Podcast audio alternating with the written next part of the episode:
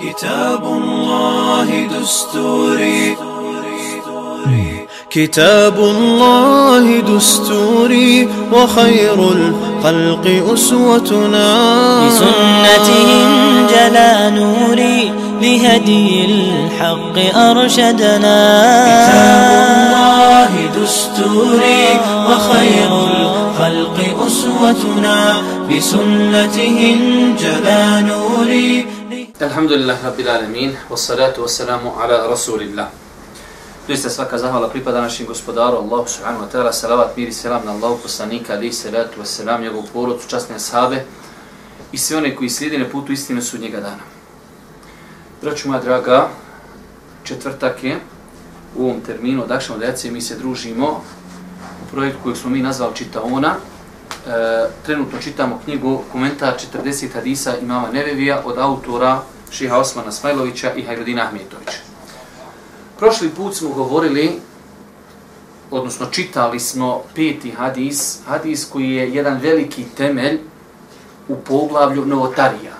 Rekli smo prije toga, imamo jedan hadis, prvi hadis u skupini 40 hadisa imama Nevevija, innemel a'malu bin nijat, dijela se vrednuju po namjeri.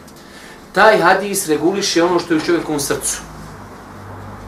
Prošli put smo e, čitali komentar hadisa men ahdefe fi emrina hada ma lejse minhu fahu rad ko uvede nešto u vjeru što njoj ne pripada, to će biti odbačeno.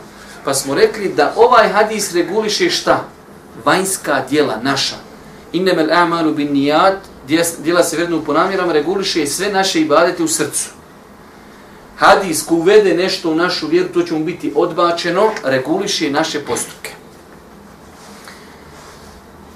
Prošli put je bio ovdje prisutan među nama i šeha i Rudin, do te mire ja sam se malo izbunio, iako mi to nije neki veliki običaj, na, rano smo bili baš i završili, ja sam bio pripremio da govorimo o razlozima pojavi novotarija, znači imamo nekih 10-11 razloga, ali eto šta je bilo, bilo, prošli put je to trebalo da govorimo o tome. Večeras ako Bog da se družimo sa šestim hadisom, koji je u knjizi na 68. stranici, hadis od Nu'mana ibn Bešira radijallahu ta'ala anhu. Znači, generalno treba zapamtiti da svi hadisi koji imam Nevevi Rahmetullah Jeli citira u ovoj knjizi, to su veliki hadisi, jezgroviti, koji obuhvataju mnogo, mnogo područja. Pa smo rekli da imamo prvi hadis koji govori o srcu. Peti hadis, drugi hadis govori o kompletnom islamu, hadis Džibrilov. Treći hadis govori o islamu. Peti hadis govori o novotarijama. Šesti hadis govori o jednom veoma, veoma bitnom poglavlju, a to je sumnjive stvari u islamu. U islamu imamo, možemo nazvati, stvari u, mogu se podijeliti u tri skupine. Imamo nešto halal što je jasno, imamo nešto što je jasno haram i imamo u sredini sumnjive stvari. Ovaj hadis nam govori o tome, hadis od Nu'mana ibn Bešira radijallahu ta'ala da kaže, čuo sam Allahu poslanika, ali se letu wasalam, kako kaže, innal halale bejinun wa innal harame bejinun. Doista je halal jasan. I doista je haram jasan. Sada da bilo koga upitate negdje na cesti, je li dozvoljeno piti čistu vodu? Jest. Može li se piti sok? Može. Može li se jesti kolač? Može. Može li se slatko? Može. Stvari koje su halal, ono baš halal, svi znaju.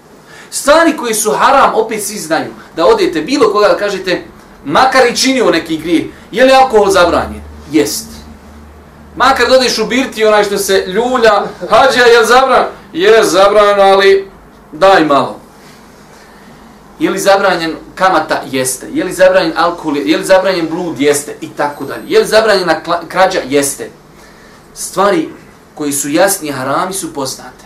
Pa kaže Allah poslanik, halal je jasan, haram je jasan.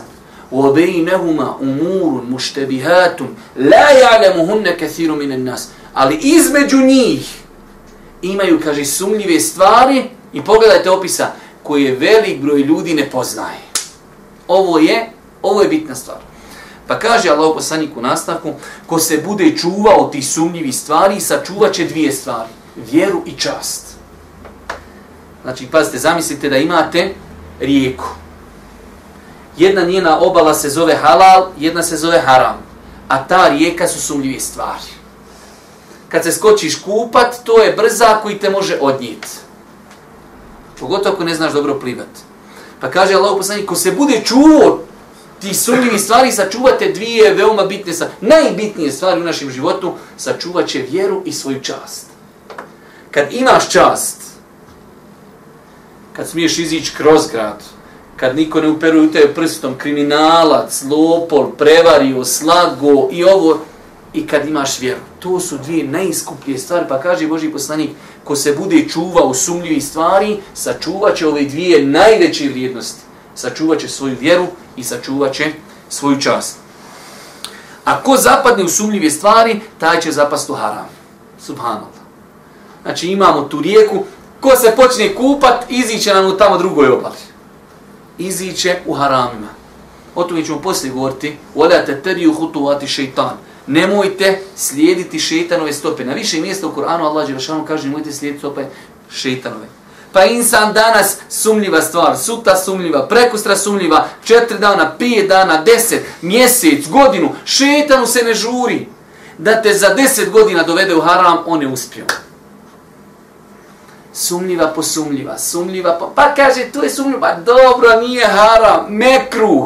Uh, hajde, mekruh jedan, mekruh drugi, mekruh treći, mekruh četvrti, mekruh peti, mm, kojom ćemo rukom puška, je desnom ili lijevom, kako ćemo duhan na nos ili na uši. E, e, rekao je jedan tamo neki u Indiji da je to mekru, nekoći vide kudim ide i lagano, lagano, lagano, poslije ga vidiš, paša, on je dole u nargili, zagrli u nargilu, sad više nema harama, ništa, on ne vidi dalje. Pa znači, ko se, kaže, bude upustio u činjenje sumljivih stvari, završće na kraju harama. Allah poslanik zna ljudsku prirodu, da je insan slabašan. Pa kad počneš lagano, lagano, lagano kršiti, kad ta ćeš završiti u haramima. Pa nastavlja Allah poslanik, ali se letu se nam, pojašnjava primjer spomenutog sa pastirom. Ovo je poslanička metoda, kad insan zapamti ovu stvar, uvijek će se lako sjetiti ovog hadisa.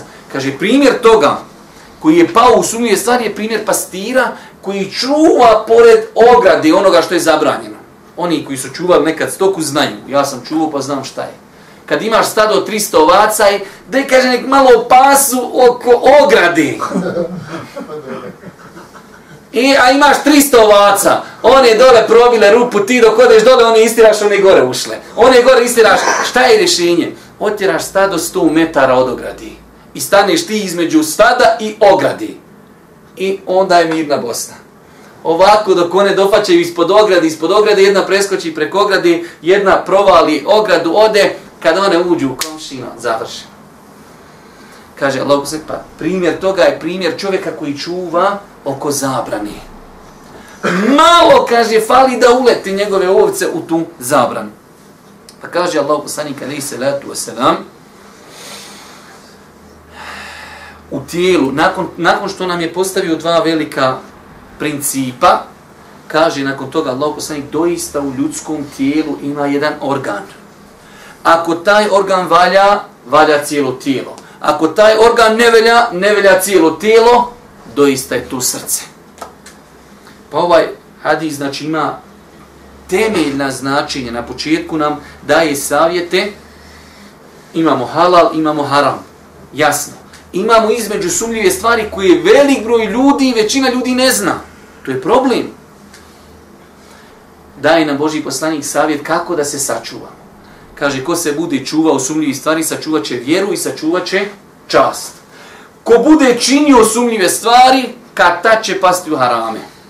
Pa je to pojasnio na jednom primjeru i kaže primjer toga je primjer čovjeka koji čuva svoje stado pored zabrani. Malo fali da ovce ne ulete u zabranu. I na kraju kaže Allah poslanik ali se vratu se nam, doista u ljudskom tijelu ima jedan organ. Ako valja taj organ, valja cijelo tijelo. Ako ne velja taj organ, ne velja cijelo tijelo, kaže Allah poslanik, ela wahijel qalb, doista taj organ je ljudsko srce. Ovaj hadis nam bilježi, odnosno prenosi od Božih poslanika, ali se vratu sam nam Nu'man ibn Bešir, to je jedan mladi ashab. Ashabi se dijeli u nekoliko kategorija. Imate ashabe, podjela ashaba, koliko ko prenosi od, od poslanika hadisa. Pa imamo asabe koji prenose mnogo hadisa, ashabe koji prenose malo hadisa. Imamo drugu podjelu, asabe koji su za vrijeme poslanika bili u poznim nekim starijim godinama. A Imamo ashabe koji su se rodili, koji su bili omladinci za vrijeme Božih poslanika. Norman ibn Bešir je prvo dijete koji se rodilo u Medini nakon što je Božih poslanik učinio hijđu. Znači, Numan ibn Bešir, Božih poslanik kad je umro, on je još bio dječak, mlad dječak. Ovaj hadis, braćo moja draga, nosi u sebi, odnosno ima veliko značenje. Evo da čujemo šta nam kaže Imam Ahmed o značenju ovog hadisa, odnosno mjesto ovog hadisa u islamu. Imam Ahmed, rahimehullah ta'ala, rekao je, Islam se gradi na tri hadisa, na hadisu Omera, radijalahu anhu, sva djela se vrednuju po namirama.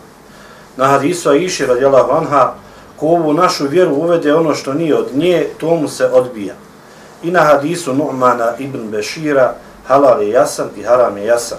Pogledajte, Ahmed ibn Hanbel kaže, cijeli islam je sagrađen na tri hadisa. Nauči ova tri hadisa, svati njihovo značenje, živi po njima, ti si shvatio globalno islam. Zamislite mislite, koliku je zgrovitost imao Allah poslanik da u tri hadisa je spomenuo cijeli islam. Pa smo rekli kako? Hadis Omera reguliše dijela srca. Hadis Aiše reguliše dijela koja mi radimo svojim postupcima. Ne da da se uvodi u vjeru notarije i onda dolazi da nam se još riješi kako ćemo se sačuvati sumljivih stvari. Pa je znači ovaj hadis jedan od tri hadisa za koji su islamski učenjaci kazali da je na njima sazdan islam. U svakom slučaju, vi imate, većina vas ima ove knjige, imate ovdje par lijepi izreka šta su učenjaci govorili o vrijednosti ovog hadisa, mi ćemo to, ako Bog da, e, preskočiti. Tema hadisa. Tema hadisa. Hadis pojašnjava neophodnost sustezanja od sumnjivih dijela kao i obaveznost vođenja brige o srcu, jer se oko njega sve kreće. Ako ono bude dobro, čovjek će činiti dozvoljena djela, a ostaviti se zabranjenih i sumnjivih. Dok, ako srce bude bolesno, vrlo lahko se može upustiti preko sumnjivih stvari i u zabranjene. Vidite, gore, nakon što je Boži poslanik spomenuo gore, na početku Hadisa, halal je jasan, haram je jasan, između njih su sumljive stvari, ko bude činio sumljive stvari, pašće u harame, ko se bude čuvao sumljivih stvari, sačuvat će svoju vjeru i svoju čast znajući da to ima veliku vezu sa čime? Sa srcem, Boži poslanik na kraju hadisa je postavio veliku formulu srca. Pa znači, prvi dio hadisa je, ve, iako na izgled kad neko čita, rekao bi ovo su neke stvari nevezane. Ne. Halal i haram i sumnjive stvari vezane su za srce. Pa insan čije srce je jako, jak iman, jaka vjeru Allah, on će ostaviti sumnjive stvari. Insan čiji iman je slab, čiji srce je slabo, on će lagano kroz sumnjive stvari pasti u harame. Ovdje imamo nakon toga pojašnjene neke riječi koji sam ja kroz ovaj komentar e, kraći kada sam ja citirao hadis, ja sam je ako Bog da spomenuo, ali vi u svakom slučaju možete ako Bog da pročitati.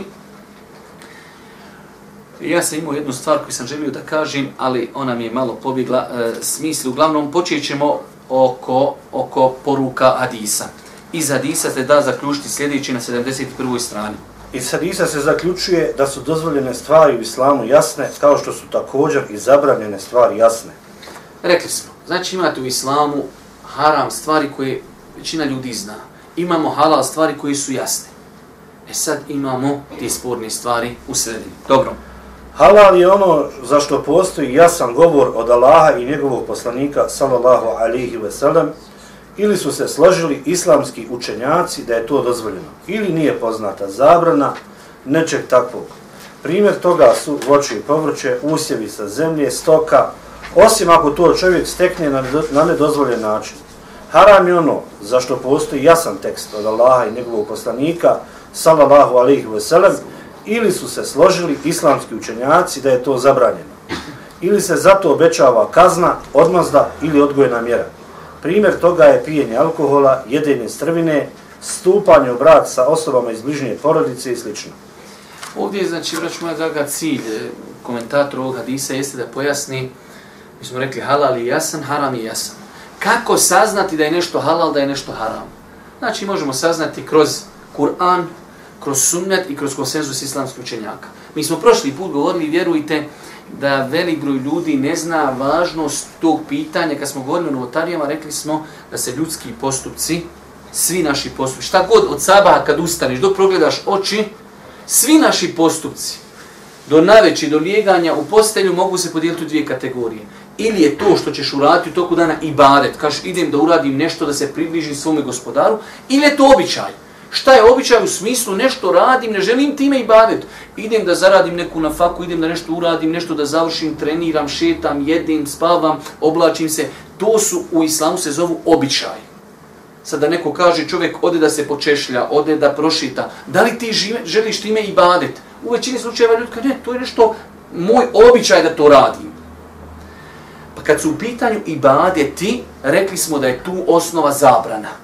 Šta znači to? Ne možemo vršiti ni jedan ibadet osim da zato imamo dokaz. A dokaz mora biti Kur'an ili sunnet. Dođe neko kaže, pohvalno je prije podne klanjati četiri rekiata sunneta. Kad, ok, ima li dokaz za to? Ima, kaže, hadis, tako i tako. Alhamdulillah. Pohvalno je nakon podne klanjati četiri rekiata. Ima li dokaz? Ima, daj dokaz. Pohvalno je nakon podne klanjati deset rekiata. De nam kaže gdje? Poslije džume se klanja podni. Ima dokaz? Nema. Ne klanjamo. Znači, kad je u pitanju ibadet, neko nam kaže, hajde s nama da činimo neki ibadet. Daj nam dokaz. Imaš dokaz? Alhamdulillah. Nemaš dokaz? Završi. Dok kad su u pitanju naši običaj obrnuto potpuno, osnova je halal. U našem životu. Neko kaže, ja ću ustati pa ću popiti kafu prvu. Pa ću nakon toga možda ovu, pa onu. Drugi kaže, ne, ja dok ustanem, e, trčim. Treći kaže, ode na posao, Peti kaže, ja spavam. Šesti ode na more. Islam nam ne ograničava šta ćemo biti u životu. Ali nam kaže, na tom svom putu običaja, pazi da ne upadiš u neku zabranu. A njih je veoma malo. Vi kada vidite sad, odite u prodavnicu, koliko je halal proizvoda u toj prodavnici? Imate tam možda negdje na stalaži alkohol i možda svinjetinu. Sve ostalo halal. Pa su halal stvari u velikom broju slučaja mnogo već, pogledajte, voće, povrće, znači sve što nas okružuje, mnogo, mnogo veći procenat je stvari koji su nam dopuštene nego koji su zabranjene. Pa na tom putu svakodnevnih naših postupaka mi imamo par ti nekih spornih stvari koji se trebamo čuvati. Čovjek kaže ja bi da budem informatičar? Ok, budem informatičar. Ali kaže ja bi da budem haker i još da idem na dajijske strance da obaram te strance. E paša, tu si prolupo. Budi informatičar, ok.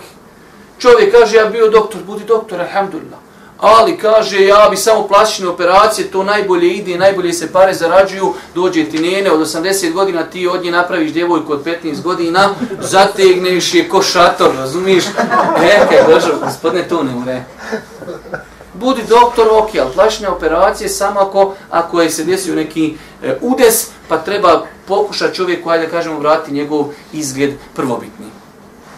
Znači, imamo strogo pogled, doktor, leđa, srca, glava, ovo, ono, sve budi. Samo nemoj činiti ništa haram. I mnogo drugih stvari.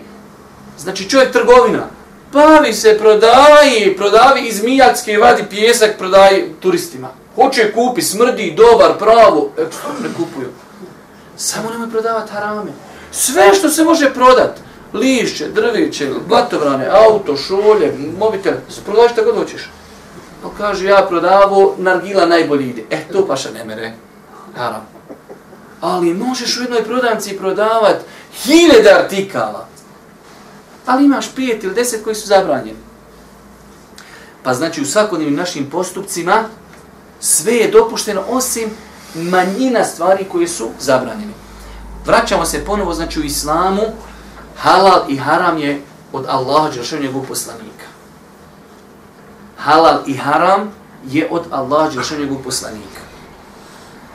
Imamo treći znači izvor e, konsenzusa islamskih učenjaka. Broj tri korist. Hadis nas postiče da činimo stvari koje su halal, a da se udaljimo stvari koje su haram i da se sustignemo stvari koje su sumnjive kako bismo sačuvali svoju vjeru i svoju čast. Ovo je možda najjača poruka, iako ona je sažeto rezimirana. Ovaj hadis nas podučava da u životu radimo halal, ostavljamo haram i kad uđemo do sumnjivih stvari da njih izbjegavamo. Da bi na taj način sačuvali dvije najbitnije stvari u životu. Vjeru i da bi sačuvali čast. Vjerujte, braćo moja draga. Insan kad proda vjeru, njemu više dunjaluk ne vrijedi ništa. Insan kad proda čast, njemu više dunjaluk ne vrijedi ništa. Zato je veoma bitno da insan pazi na ove sumljive stvari, kako ga ne bi, ne daj Bože, odvele da izgubi ove dvije veoma bitne stvari. Rekli smo, znači ova korist je e, velika korist. Uči nas da u islamu čovjek čini halale, ostavlja harame. Sumljive stvari, braćo moja draga, nisu one nešto plaho ovdje definisane, ali čovjek nekada nešto jednostavno, ko što je došlo u vjerodoslovnom hadisu, doći nam on poslije, istefti kalbek. Upitaj svoje srce. Jednostavno, trebaš nešto da uradiš, ali tebe grize savjest. Nije to dobro. Hoćeš prodat auto, ma ima ono neku manu, ali ne moram ja reći, nije to sad neka krupna mahana. Ali tebe golica, e, eh, to je. Iako se za ovo može reći, za ovo se može može reći možda i da je haram. Ali znači kad insan osjeti da li je dobro da to uradim, da li nije dobro da to uradim, tu insan treba da bude spreman da podvuče, da povuče ručnu, ali kako i može, samo jačinom svoga imana. Broj četiri. Hadis jasno naglašava da su sumnjive stvari većine ljudi nepoznate. To jest većina ljudi ne zna od tih sumnjivih stvari šta je dozvoljeno, a šta zabranjeno, dok je to manjini ljudi poznato. Hadis ovaj nam je jasno stavio klauzulu da te sumljive stvari velik broj ljudi ne zna. Što je problem. Ali hvala Allah Đeršanu, pa nije rečeno ne, znaju, ne zna niko. Ne zna i većina ljudi. Znači ima ljudi koji zna. Sad je pitanje na nama, hoćemo li mi naći nekoga da nam to pojasni. Mi smo evo sada pali, vjerujte, ja imam svaki dan, neko nazove i kaže, Boga me ko ne smijem po tom pitanju ništa reći. Danas mi jedan brat nazvao da ga Allah nagradi iz Čapljini. Ali neki brat da ga Allah možda, možda i gleda, pripremio možda 15 pitanja. On predstavlja dole cijeli grad, džemat. Ja sam kad zadnje pitanje, še to i to rekao, Boga mi, ne znam, ne smijem to. Ja znam kako bi ja postupio, sam ja u tom pitanju, ja ja bi znao kako bi. Ali tebi ga radim odgovor, ne smijem. E to je, znači kad imaš sumljivu stvar, šta je osnova kod sumljivo, nešto sumljivo? Stop. Idem tražiti nekog da mi pojasni, jel to može ili ne može? Pa alhamdulillah, ako mi učan čovjek koji imam, u kojem imam povjerenja, ima znanje, ja ga upitam, kaže, ne, ne, može to. Meni se prije par dana javila jedna osoba, pa dao sam kontakt telefon, da, da se, ono, čujemo, kaže, imam problem, tamo, vamo, u školi, kaže, radim kao profesor ili profesorica ili učitelj, kaže, to mi je haram, kaže, pa šta? U startu, otkuda je to haram? Znači, insan nekad pomisliš da je nešto haram, upitaš, on kaže, ne, ne, to nije haram, možeš to uraditi. Alhamdulillah. Pa znači, ne mora znači da svaka sumljiva stvar će ispast haram. Znači, imate sumljivo, sumljivo ti nešto. Ti nazoveš čovjeka učeno, kažeš, je li ovo u redu? Jesuška, možeš, to je u redu. Alhamdulillah, rabbil alamin, i to je to. Da vam ne navodim primjere, jer ima ih mnogo danas. Imaš nešto što nisi siguran, smijem li taj posao raditi, smijem to prodavati, smijem se time baviti, smijem li to raditi? Ne znaš, kaže smijem. Ti si, alhamdulillah, pokazao da imaš bogobojaznosti, da imaš straha, da imaš još taj imunitet tvoj imana radi. Školovana, učena osoba podjedila kaže da, možeš to raditi. Znači, alhamdulillah, onda, tako da ne pomisli čovjek, sve sumljive stvari su osnovi haram. Ne. Sumljive stvari treba pitati učene ljude da nam pojasni, nekad može, nekad ne može, nekad može sa određenim e, predispozicijama i tako dalje. U svakom slučaju, Ovdje je bitna klauzula da većina ljudi to ne zna, ali ima ljudi koji to zna. E sad treba naći te ljude koji to znaju pa da nam to pojasni. Broj šest.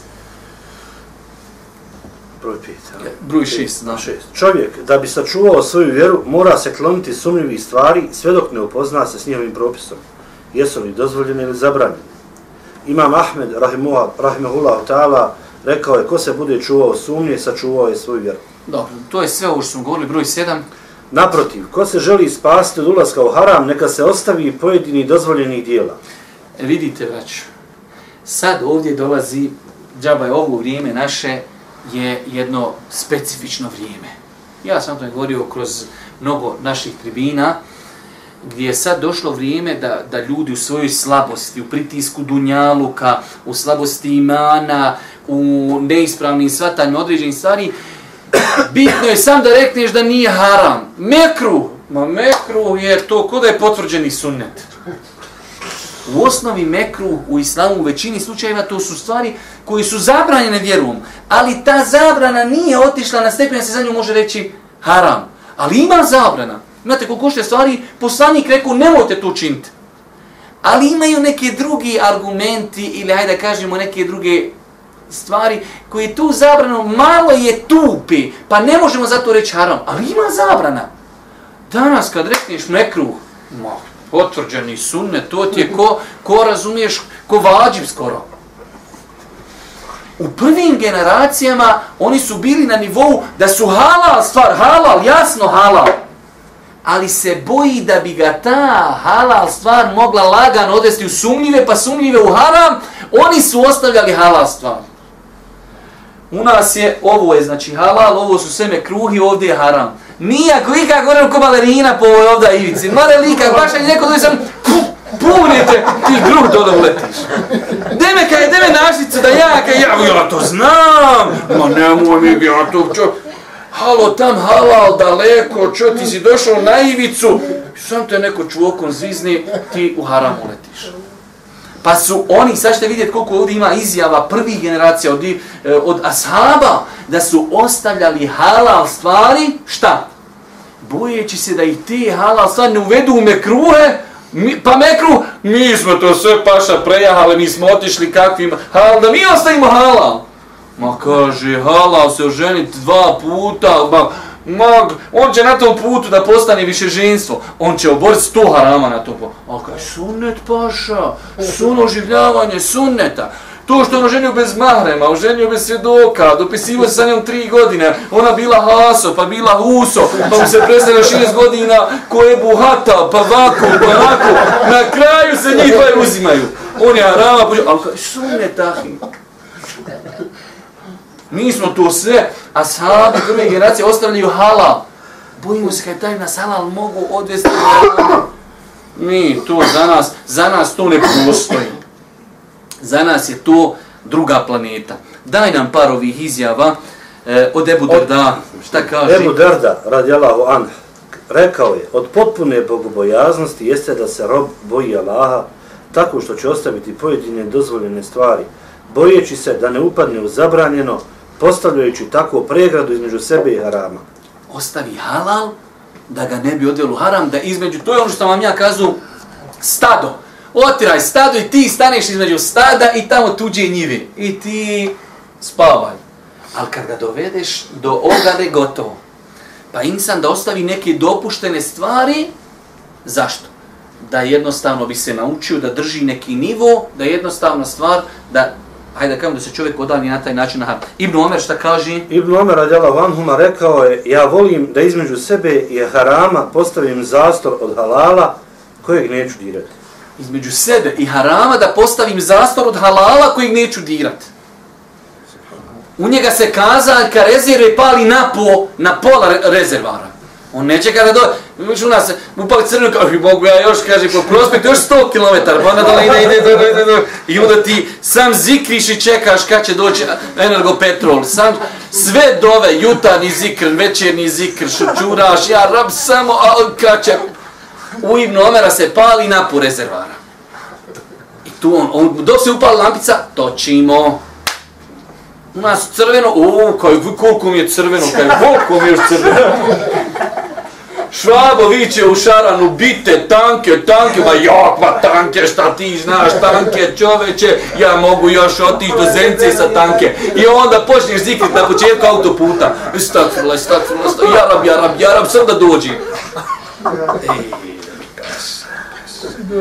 Šta kaže Hasan el Basri? Hasan el Basri, rahimehullahu ta'ala, rekao je, takvaluk je neprestano bio uz bogobojazne, sve dok nisu ostavili i mnoge dozvoljene stvari, bojeći se da ne upadnu u zabranje. Takvaluk je, kaže, bio on taj koji je bio razlogom da su oni ostavljali, toliko su imali pri sebi takvaluka da su ostavili halale, kako ne daj Bože ne bi pali u harame. Šta kaže Sufjan, Sufjan Seuri? Sufjan Seuri, rahimehullahu ta'ala, rekao je, Nazvani su bogobojaznima jer su se čuvali i od onoga od čega se inače mora čuvati, ne mora čuvati i ustezati.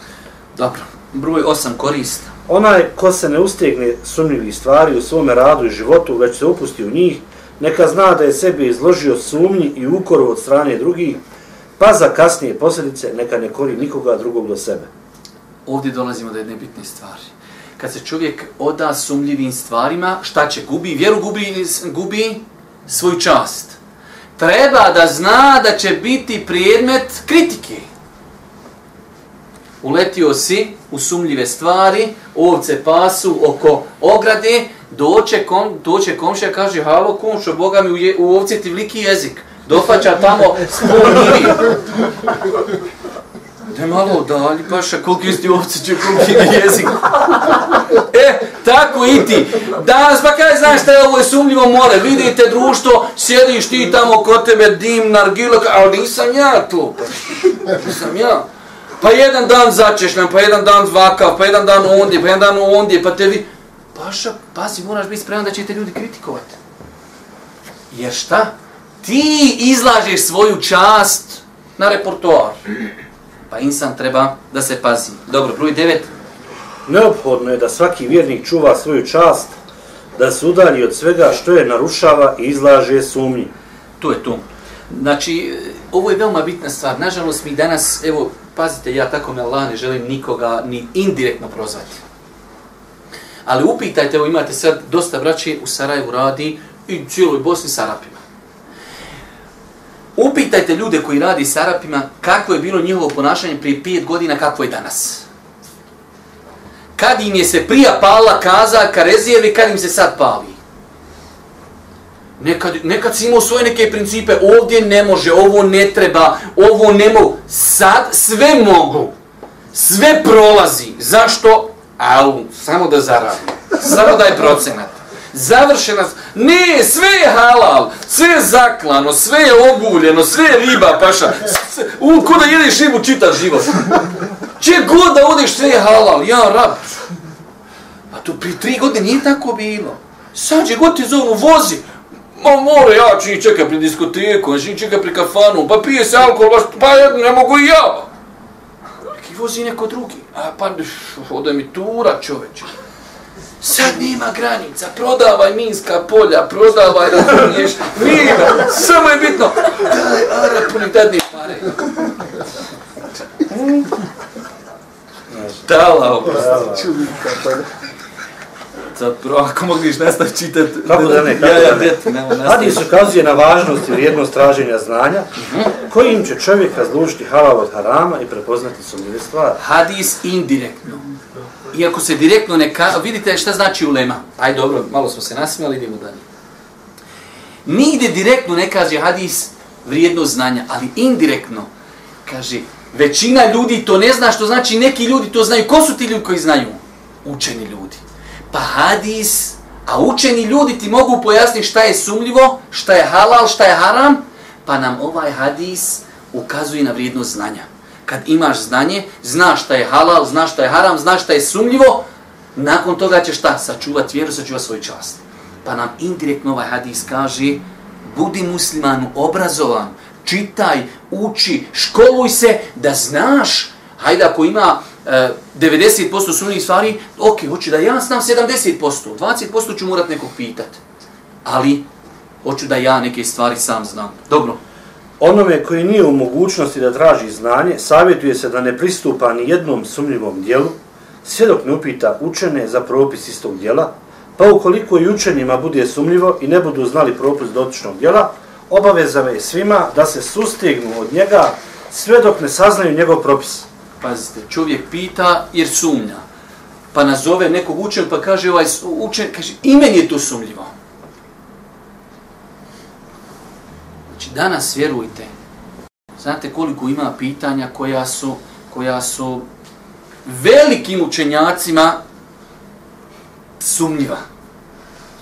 Imate ovima kojima nisu sumljivi, ovi koji ne znaju abdestiti, koji ne znaju onaj kak se redoslijed abdesta, njima nisu sumljive. Oni, oni znaju da su halal ili haram, njih treba onaj pitati. Ali učenima su sumljive.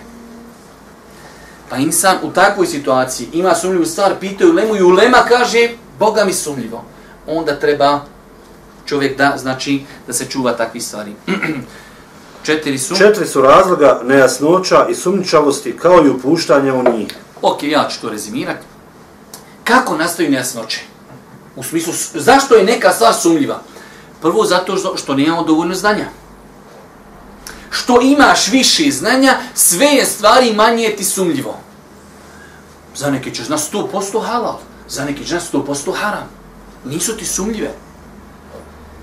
Pa znači prva stvar, zašto stvar može biti ne, e, ne e, sumljiva? Zato što nemamo znanja. Druga stvar jeste nepravilno razumijevanje stvari i, i dokaza i situacije. Nekad čovjek neispravno razumije situaciju, neispravno razumije dokaze, pa je to njemu sumljivo. Ali kada mu dođe učena osoba i pojasni ispravno razumijevanje dokaza i situacije, onda to postaje jasna stvar, da li halal, da li postaje haram. Broj tri, nedovoljno istraživanje. Ovdje se misli na naučni rad, znači, ok, ova mi je stvar sumljiva. Čovjek neka treba, pazite, imate, imate učenjaka, slušao sam više puta, čak nam jedan profesor govorio, kaže, kada je še u svemu nastupila smrt, kaže, ja sam otišao i kaže, še, on je učio kod njega godinama, godinama, kaže, molim te, sam još šeci sad na svoju smrti, ili i dalje ostaješ na ona tri pitanja na kojima se nisam mogu, hoću da znam, da od tebe prenesem, jesi li na tome bio ili nisi bio na tome. Imate ljudi koji kaže, umirim, 30 godina sam istraživo neko pitanje i kaže, još, još nisam načisto sa tim pitanjem. Ja sam slušao Šešan Kite, drugi ševoje, koji kaže, za neka savremena pitanja, dionice ili šta znam, kaže, čitam već 10 godina o tome. I još kaže, još nisam savladao tu tematiku. Pa insan nekad stvar je nejasna, treba uložiti napor, on uloži manji napor, pa ne, Znači nekada određena stvar može biti nejasna jer nije uložio dovoljno napora da bi je istražio i na kraju nekada loša namjera može u osnovi da bude razlog zašto nešto sumnjivo, zato što čovjek jednostavno ne želi istinu. Imate ljudi, ja sam to nekad navodio primjer, ne volim to ponavljati, možda nekad neko i čuje, jedne prilike jedan insan došao, meni postavlja neko pitanje, odnosno ne, obrnuto, on je zaposlio se i radi on u toj nekoj firmi. Šta ću ti ja radi, hajde, I poslije smo mi nekad neđe sjedimo, pijemo kafu i ja njemu onako kroz priču pa rekao, otkud ti u toj firmi da ne reknim da haram je tu radit? Rekao, pitao koga? Ma kaže se, ja znam da sam tebe pitao, ti mi rekao haram, pitao sam ja ovog svog jednog pa pajdu, on mi rekao da mora. rekao, dobro je, dobro je. Ali iskren bio, opet je bio iskren, djelimično. Pa sumnjiva stvar može biti sumnjiva zato što insan ima lošu, ne želi on da shvati da, to, ni, da je to haram. Pa kaj je, to je sumnjiva gore, dole, hajde, more proći. Zato što ne želi istinu. To su četiri faktora koji islamski učinjaci navode i zašto neka stvar može biti sumnjiva. Broj 13, korist. U hadisu je dokaz, u hadisu je dokaz da se svega, makar to bilo i dozvoljeno, ali vodi do zabranju, treba ostaviti kako se doista ne bi i upalo u zabranjeno. Ima ovdje sad, e, navodi šehovi jedno poznato dokazivanje da Allah Đelšanu kaže ne psujte božanstva koja neki obožavaju mimo Allaha da ne bi oni psovali Allaha bespravno. Nemojte vi njima psovati, nemojte govoriti ništa loše o njihovim božanstvima, njihova božanstva e, nisu božanstva, treba o njima govoriti da se pojasni, ali kaže Allah Đelšanu, nemojte ih vrijeđati, Jer će onda oni vama uzvratiti pa će oni vrijeđati Allah Đelešanu. Pa nekada dozvoljena stvar postaje zabranjena ako će istoga šta proiziš nešto zabranjeno. Tako da insan, znači, može se to, vjerujte, na dosta situacija u današnje vrijeme naše e, pro, e, sprovesti, da čovjek u svojoj kući, u, sa svojim roditeljima, nešto im kaže što oni ne mogu sažvakat. Pazite, e, mi dosta puta sjedimo na predavanjima, čitamo knjige i naučimo mnogo toga i dođemo svojoj kući, dođemo svojim roditeljima i mi bi sve ono što smo mi naučili, čuli, da oni to preko noći prihvati. Nemoguće. Kao da imate prvačića, ide i prvi razred osnovni i ti kažeš njemu, e, danas iz matematike radimo razlomke. Njemu je još, mozak mu se zagrije, kam kažeš 1 plus 1, pa on sjedi 1 i plus 1, imam jednu kravu, dodam još jednu kravu, koliko to imam, pobjegla mu jedna krava dok on ufati dok je sveže gore dole njemu jedniku teško sabrati jedan plus jedan. Ti ka, a ne, ne, ne, sad trebamo korijenovanje. E, njemu je korijenova prvo što mu napadne drvo i neki korijenovi drveta i neka dole cvetla ili nešto što je pod zemljom. Ne može razumjeti. I mi dođemo svojim roditeljima i gruh nešto. Halo, babo, to je haram. Ma koji haram? I tebe i haram, sve kroz prozor da bacimo. I osova će ti možda i uvrijedit će. Svi mi to znamo da je tako. Pa nekada dijela, znači, ako će iz halal dijela proizići haram, onda ga insan treba ostaviti. E, broj 14. Hadis postiče vjernika da vodi brigu o svome srcu, jer od njega sve mu ovisi. Braćo moja draga, znači ovaj hadis je jedan od najjačih dokaza da su u islamu dijela srca bitnija mnogo od dijela vanštine. Nažalost, mi moramo to prihvatiti činjenicu danas u cijelom umetu. Ne samo kod nas. U cijelom umetu dijela vanštine su sto hiljada puta bitnije od srca. Niko ne razgovara o srcu. Samo se ljudi sađaju, se svezu ruke ovdje ili si ovdje svezu. Jesi ovako digu ruke ili si ovako. Jesi rekao amin naglasan, jesi ispustio bradu ili si iskratio. skratio. Nosiš li turban, ne nosiš li misvak, čistiš zube ili ne čistiš. To je, sav umet se oko toga svadi. A ljudi znači se ne svade oko srca, ne svadi se oko ibadita srčanih. Zato Boži Pisani kaže ovdje, u ljudskom tijelu ima jedan organ. Ako on valja, valja cijelo tijelo. Ako on ne valja, ne valja ništa ostalo. Zato gdje je problem kod licemira? وَإِذَا رَأَيْتَهُمْ تُعْجِبُكَ اجْسَامُمْ Kaže, u suri Munafikun, Allah Đašan, kad je opise, ti kaže, kad njih vidiš, oni te fasciniraju svojim postupcima. Ja ne želim da sad govorim kakvi oni mogu izgledati, ali kaže, kad ih vidiš, تُعْجِبُكَ اجْسَامُمْ Oni su tako lijepi vanštinom, a u srcu monafici. Pa insan treba srce da odgaja. Allah, Allah poslanik kaže, Allah ne gleda u vaše likove, već gleda u vaša dijela i vaša srca. Neko je crn, neko je bijel, neko je visok, neko je niži, neko je... E, to Allah Đelešanu na sudnjem danu ne gleda, ali gleda u srce tvoje, je li bilo u njemu licemjerstva, zavisti, mržnje, ili u njemu bilo istinske ljubavi, imana i tako dalje. Pa znači, insan bi trebao da mnogo pažnje e, daje odgoju svog srca kroz ibadete, kroz dovu, kroz Kur'an, kroz razmišljanje o porukama kur'anskim, a vanština će doći kao plod svega toga. Broj 15. Da bi vjernikovo srce bilo živo i zdravo, on mora dobiti uzvišenom Allahu, da mu učvrsti srce u njegovoj vjeri, jer su sva srca između dva Allahova prsta. Znači ovdje su, ovdje su nam ovi šejovi spomenuli, evo ja mislim 6 ili 7 neki pospaka, ja ću vam i kratko rezimirat, da bi ljudsko srce bilo živo. I ljudsko srce može biti u stvarnosti živo, odnosno može biti e, da je insan znači živi onako, u stvarnosti njegovo srce je mrtvo. Kao što je Ibn Asakir kazao za ljude koji vrijeđaju u lemu, kaže, pa ih Allah kazni, oni kaže živi na dunjalku, ali njihova srca mrtva. I tu imate danas ljudi. Ljudi koji puste svoje jezike protiv ulemije. Tu uzmite sebi veliko pravilo koje Ibn Asakir spomenuo nekad davno. Ko pusti svoj jezik vrijeđajući ulemu, ljude koji su svoj život dali za Allah Žalšanu, doće brzo vrijeme kada ćeš ga vidjeti. On hoda, živ je, ali mu srce mrtvo. Šta to znači mrtvo? Dakle, brate, haram. Zid. Allah ga kaznio zašto? Jer je dirao u najveće sinove ummeta. Pa ljudsko srce znači treba čuvati njegov život, vjerski život, imanski život. Kako? Putem dovim. Putem odgoja da čovjek kada čuje zabranu i kada čuje naredbu da se pokori tomi. Putem dobročinstva ljudima, znači mi smo puno puta govorili koliko je u našoj vjeri bitno da čovjek čini dobročinstvo, odnosno i badete, čija korist je prilaznog karaktera. Kad nam je jacija, šta smo nam rekli? Evo, sad ćemo i to, inšala, nije nam još puno ostalo, ima još malo, mi ćemo to završiti. Posjećivanje mezarluka čovjeka posjeća na, na ahiret, jača njegov iman, druženje sa Kur'anom, sa razmišljanjem. To jača čovjekov iman, čini čovjekovo srce živo. Isto tako, da se čovjek pazi svega što vodi ka grubosti srca. A čitajte ovdje šta su oni spomenuli, mi smo nekad od nekih stvari koje, koje čine ljudska srca gruba, to je kod nas postalo na fila. kad je u pitanju vezivanje za dunjaluk, bespotreban govor, bespotrebno smijanje, bespotrebno dijelo i toga, kod, to kod nas, znači mi smo daleko od toga. Broj 16 korist. Čisto srce obavezuje na lijepa djela, a loša djela ukazuju na pokvareno srce. Ovo je osnova, a ponekad i pored pokvarenog srca pojedina vanjska djela mogu biti dobra, kao što je slučaj s licemjerom i onim koji se pretvara.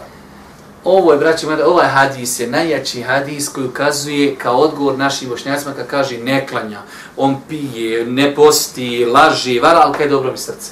Lažeš, paša, nisi mogu veću slagat. Ni ribari, oni što im svježu ruke, ne mogu slagat više od tog insana. Kaj dobro mi srce. Ako je to tvoje srce dobro, ako se zaista boji Allah Želšanu, ono mora to da, da se manifestuje na ljudskim pokritima.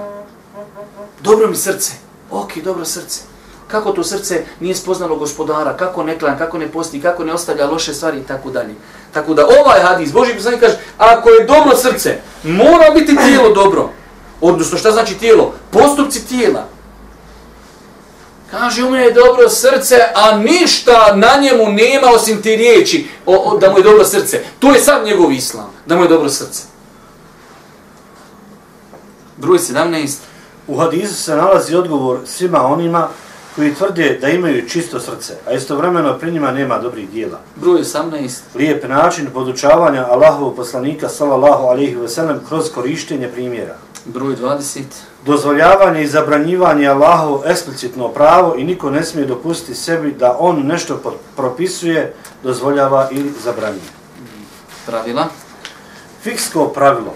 Islamski učenjaci su iz hadisa izvukli pravilo zatvoranje svakog puta koje vodi do harama. Dobro. To jest, rekli su da sve što vodi do harama je haram. Na primjer, sjedenje do kasnu noć može da dovede do, pre, do prespavljivanja i neklanjanja sabah namaza u njegovo vrijeme.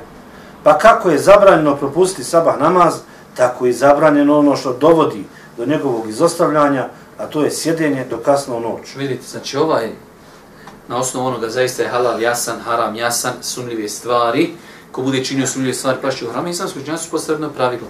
Sve što vodi haramu je haram. Pa vidite ovdje jedan primjer, logičan primjer.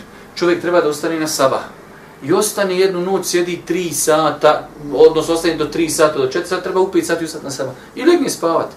On zna da neće ustati, dobro, jednu noć nije znao. Sutra dan on opet sjedi dokasno i ne ustane sa. Ustati na sabah je vađib, obaveza. Sve što te sprečava u toj obavezi, ti moraš eliminisati svog života. I ti svaku noć opet ostaneš, sjediš i onda kaj nisam mogu ustati na sabah. Tvoje sjedinje, najveće, iako u osnovi sjediti, nije zabranjeno. Ali ako će to sjedinje uzrokovati da nećeš ispuniti vađiv, šta? Onda to sjedinje postaje haram.